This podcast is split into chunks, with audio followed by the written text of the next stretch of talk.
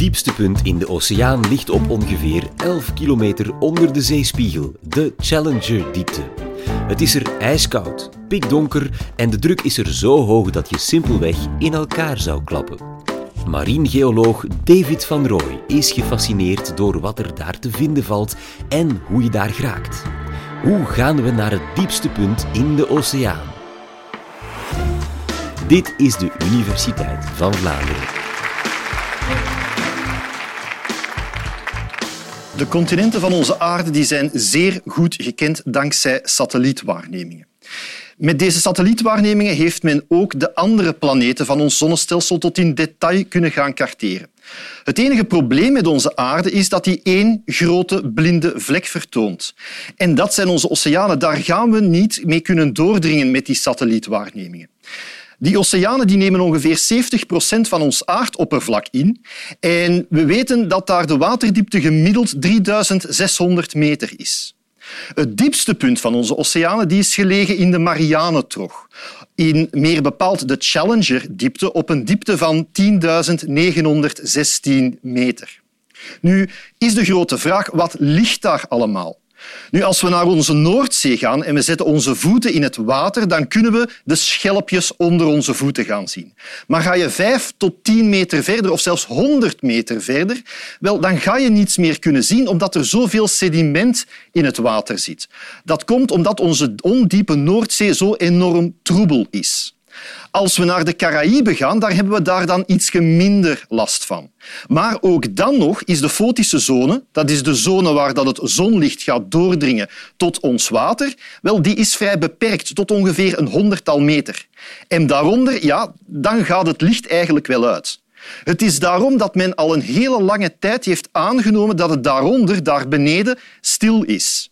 In 1843 beweerde zelfs de natuurwetenschapper Edward Forbes dat er onder 300 vaden, onder 548 meter, dat er totaal geen leven was. Het was life's zero level.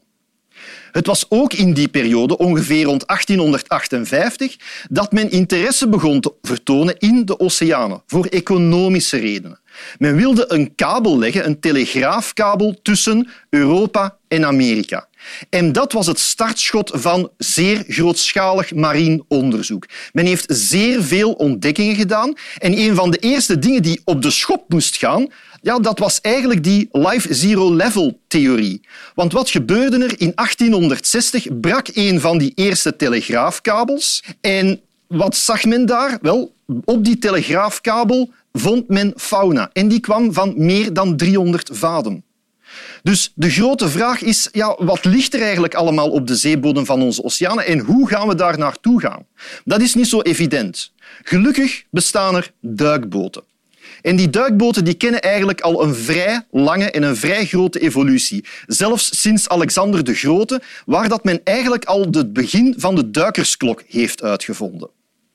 Nu, hoe zit het nu met tegenwoordig met onze duikboten? Wel, nu bestaan er twee types duikboot. In de eerste plaats bestaan er de grote militaire duikboten en in de tweede plaats heeft men de wetenschappelijke duikboten. Daar heeft men de HOV's, de Human Occupied Vehicles, de ROV, de Remotely Operated Vehicles, en de AUV, de Autonomous Underwater Vehicles. We gaan ons hier specifiek gaan toelichten op die bemande voertuigen. Hoe werken die effectief? Wel, we kennen de duikboten misschien het best als we naar de militaire duikboten gaan kijken. Die militaire duikboten die bestaan uit ballasttanks. Als die ballasttank leeg is en die zit boven water, wel, dan gaat de duikboot blijven drijven, uiteraard. Vanaf het moment dat men wil duiken, dan gaat men die ballasttank laten vullen met water tot ongeveer een halve diepte of als men volledig wil gaan duiken, gaat men die volledig gaan vullen. Willen we met die duikboot terug boven water komen, dan gaan we natuurlijk dat water er moeten uitpompen en dan gaat die effectief gaan stijgen. Nu, voor militaire duikboten is het van enorm groot belang dat die snel zijn, dat die stil en geruisloos zijn en dat die een grote militaire lading kunnen gaan meenemen. Voor die snelheid te gaan behalen, en dat is ongeveer een twintigtal knopen of een 37 km per uur, heeft hij een sigaarvorm gekregen om zich beter doorheen het water te kunnen gaan voortbewegen. Nu, voor die snelle duikboot te laten gaan voortbewegen, heeft men een diesel-elektrische motor nodig. Nu, een diesel-elektrische motor is een verbrandingsmotor. Dat wil dus zeggen dat men lucht gaat nodig geven, dat er gassen worden uitgestoten en dat is alles behalve stil. Dus daar gaat men die verbrandingsmotor men gaat die enkel gaan laten opereren aan het oppervlak. Daar gaat hij dus generatoren gaan opladen die batterijen gaan aandrijven, die dan stil onder water kunnen gebruikt worden. Het is daarom ook dat men voor grotere en belangrijkere types duikboten dat men kleine nucleaire reactoren heeft ingebouwd. Die zijn stil en die hebben uiteraard ook geen lucht nodig. Wetenschappelijke duikboten die hebben dat eigenlijk allemaal niet meer nodig, want wel, die moeten niet snel zijn, die zijn stil en die moeten gewoon eigenlijk opereren op enkel maar batterijen. Nu, dit gezegd zijnde kunnen we daarmee naar de Challenger-diepte gaan duiken. Wel, er zijn eigenlijk twee grote fysische beperkingen. En die beperkingen hebben jullie allemaal eigenlijk al ondervonden als jullie eens gedoken hebben naar de bodem van een zwembad op twee of een drietal meter. Eerst en vooral ervaar je dat je een gebrek aan zuurstof gaat hebben. En in de tweede plaats ga je voelen dat er zeer veel druk op je zit. Dat gaan we nu een beetje in detail gaan bekijken. In de eerste plaats gaan we kijken naar dat zuurstofgehalte. Het is belangrijk dat er genoeg zuurstof wordt voorzien, maar ook dat er CO2 kan worden verwijderd en de luchtvochtigheid ook kan verwijderd worden. Voor het aanbrengen van zuurstof maakt men eigenlijk gebruik van samengeperste lucht. Dat is eigenlijk niet meer en niet minder als wat men gebruikt in duikflessen voor duikers. Dus men gaat lucht onder hoge druk, en dat is dus stikstof en zuurstof, in die duikersfles gaan persen en men gaat er daar een hele hoop meenemen in zo'n duikboot. Nu, voor die HOV's gaat dat zeker genoeg zijn. Men gaat een 60 tot een 90-tal uur aan live support kunnen gaan aanbieden. Maar hou daar wel rekening mee, daar zitten maar twee tot drie personen in. In zo'n militaire duikboot, wel, daar zitten gemakkelijk een honderdtal personen in. Dus daar heeft men andere systemen nodig. Een van die andere systemen is het gebruik van gewoon een snorkel. Daar gaat die duikboot tot aan het oppervlak komen en men gaat, met die snorkel gaat men zuurstof in de duikboot kunnen gaan binnenhalen. In de tweede plaats gaat men dat op een scheikundige manier ook gaan kunnen aanmaken. En het is trouwens ook op zo'n scheikundige manier dat men de CO2 uit de lucht gaat kunnen fixeren en dat men de luchtvochtigheid gaat kunnen gaan reduceren. Op die manier gaan we eigenlijk met die grote militaire duikboten gaan we tot drie maanden lang onder water kunnen blijven. Op voorwaarde uiteraard dat er genoeg voedsel aan boord is. Nu, de druk dat is een paar andere mouwen. Nu, wat dat heel belangrijk voor die druk is, is het basisprincipe van de duikboot, is dat de romp van de duikboot dat die sterk genoeg moet zijn om de buitendruk buiten de duikboot om die te gaan weerstaan. Terwijl dat er binnen in de duikboot dat daar de atmosferische druk gaat gaan heersen. Nu, wat is die atmosferische druk? Wel, die atmosferische druk gemiddeld aan het zeeniveau bedraagt die 1 bar. Wetenschappelijk gezien is dat 100 kilopascal, maar voor de eenvoudigheid gaan we het houden op 1 bar. Nu, die 1 bar die komt overeen met de druk van ongeveer 10.000 kilogram massa op 1 vierkante meter. Dat komt ook eigenlijk overeen met de druk van 1 kilogram op eigenlijk een vierkante centimeter. Per 10 meter dat je eigenlijk gaat dalen, gaat die druk met 1 bar gaan toenemen. Vergeet ook niet, zoals in een zwembad, die druk die is alzijdig. Langs alle kanten is die gewoon hetzelfde.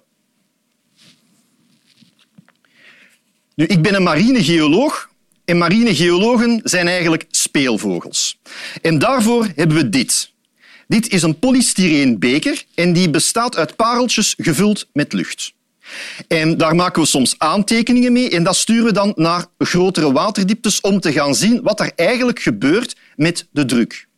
Nu, deze beker, of toch een soortgelijke beker, die hebben we in 1999 naar de Tagus Abyssale vlakte gestuurd. Dat is ongeveer 3000 meter waterdiepte voor de kust van Portugal.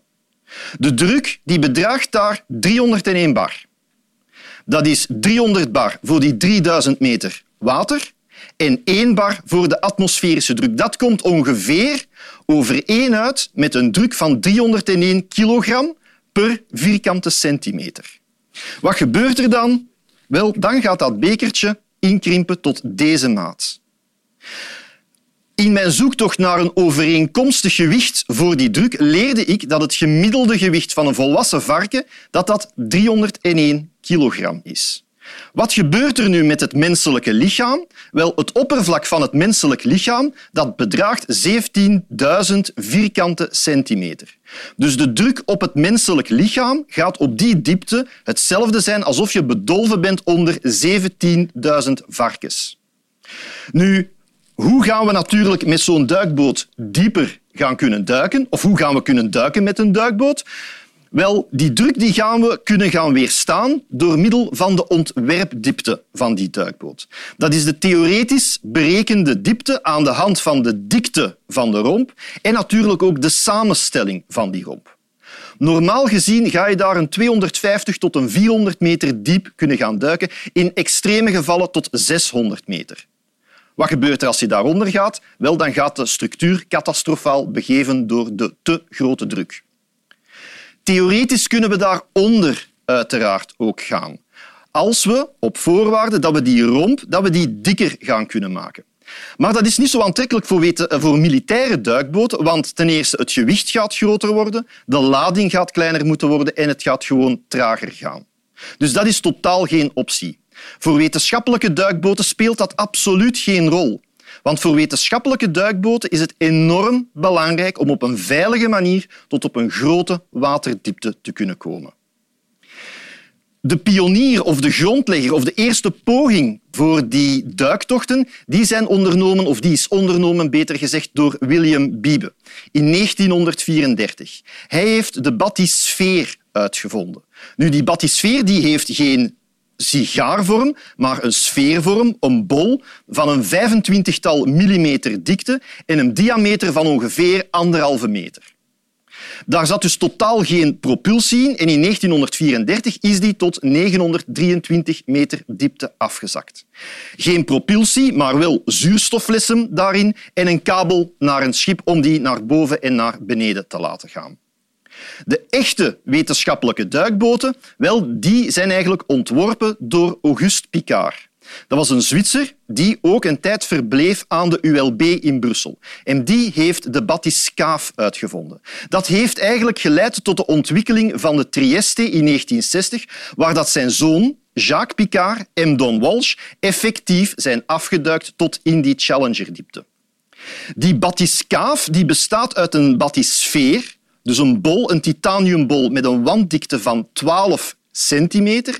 En daar rond is een omhulsel gebouwd dat bestaat uit compartimenten gevuld met benzine voor het drijfvermogen. Want we moeten weten dat het gewicht van die bathyscaphe dat dat 50 ton bedroeg. Dat is dus naar de zeebodem gezonken in ongeveer een vijf uur tijd en men heeft maar een twintigtal minuten gehad om op die zeebodem onderzoek te gaan kunnen doen. Men had daarvoor dus eigenlijk niet al te veel motoren nodig, dus daar waren alleen maar kleine batterijtjes mee. Het was daar op die grote waterdiepte ook niet al te gezellig. De temperatuur bedroeg daar maar 7 graden Celsius. Ze zaten daar maar met twee personen. En rampo ramp, ze hadden eigenlijk maar één venstertje om observaties te kunnen gaan doen. Dat venstertje was trouwens ook door Auguste Picard speciaal uitgevonden in een kegelvorm bestaande uit plexiglas. Om terug naar boven te gaan, had Auguste Picard ook twee ballasttanks ontworpen waarin dat 9 ton aan magnetische ijzerpellets zaten. Die liggen dus nu allemaal wel op de zeebodem. En daardoor zijn ze in niet minder dan drie uur terug naar boven gegaan. Het is dus absoluut vanzelfsprekend dat Auguste Picard de grote pionier van de wetenschappelijke duikboten is. Hij was zelfs zo belangrijk dat Hergé eigenlijk inspiratie nam aan de figuur van Picard om professor Zonnebloem te kunnen gaan tekenen. Dus de eerstvolgende poging die ondernomen is om naar die Challenger-diepte te duiken, is gebeurd in 2012 door de Deep Sea Challenger. Die deed er niet minder dan 2 uur 30 over om naar beneden te duiken. Die heeft daar drie uur verbleven en is in niet minder dan 70 minuten naar boven gekomen. Degene die daar aan boord zat, was eigenlijk niemand minder dan James Cameron, de beroemde filmregisseur die sinds die abyss gebeten was door de onderwaterwereld. Het was ook eigenlijk een record omdat hij eigenlijk alleen aan boord was. Dus het was ook eigenlijk de belangrijkste soloduik en hij was daar ook de bezieler van. Nu, wat is daar zo specifiek allemaal veranderd aan die Deep Sea Challenger? Wel, het gewicht. Het gewicht was gereduceerd tot een 12 ton.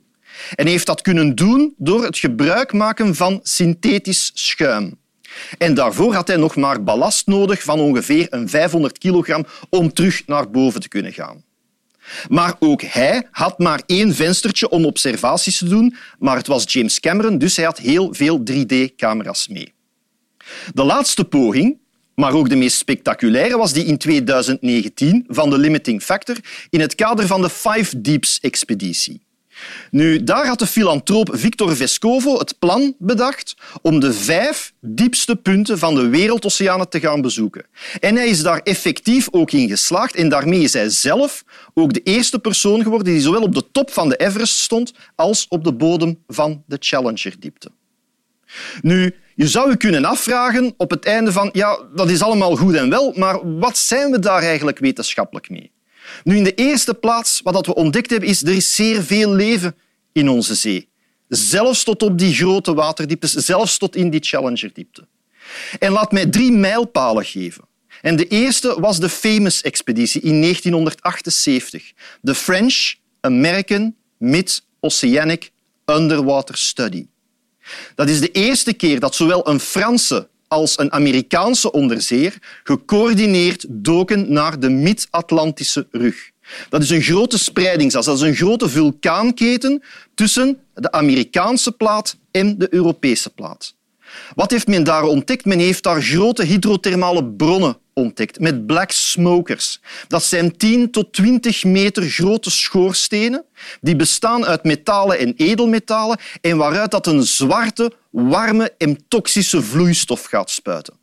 Op zich is dat al enorm spectaculair. Maar wat nog beter is, is de weelde aan leven die daar beneden te vinden is. Krabbetjes, meterslange, wit-rode kokerwormen. En die gaan overleven in net die zeer toxische omstandigheden door het feit dat in hun ingewanden dat daar bacteriën zitten die hun energie uit die toxische omgeving gaat halen. Het leert ons enorm goed hoe aanpasbaar het leven is op die extreme omstandigheden en het geeft ons eigenlijk ook een beetje inzicht in het eerste leven op aarde. Een tweede heel mooi voorbeeld is het feit dat men al heel lang heeft gedacht dat er onder de golfbasis dat de oceaan stil en bewegingsloos was. Maar die duiktochten die hebben ons geleerd dat er zeer veel stromingsribbels zijn op allerlei dieptes. Dus de oceaan is niet stil en bewegingsloos. Dat heeft ertoe geleid in 1980 dat Wallace Brooker met zijn theorie van de Global Conveyor Belt op de proppen kwam. Hij bezag daar eigenlijk een grote kringstroom, een complexe kringstroom van zowel oppervlaktestromingen als diepwaterstromingen die tezamen het klimaat gaan, gaan moduleren. Het is die Wally Brooker die eigenlijk een paar jaren voordien ons al waarschuwde voor global change, al in de jaren 70. Last but not least heeft die duiktochten, of hebben die duiktochten ons ook eigenlijk aangetoond hoe slecht dat wij wel bezig zijn met onze aarde. In 2014 werd er in PLOS ONE een artikel gepubliceerd met de resultaten van een Europees project dat tussen 1999 en 2011 32 sites heeft bezocht in zeeën en oceanen grenzend aan Europa op waterdieptes tussen 35 en 4000 meter diepte.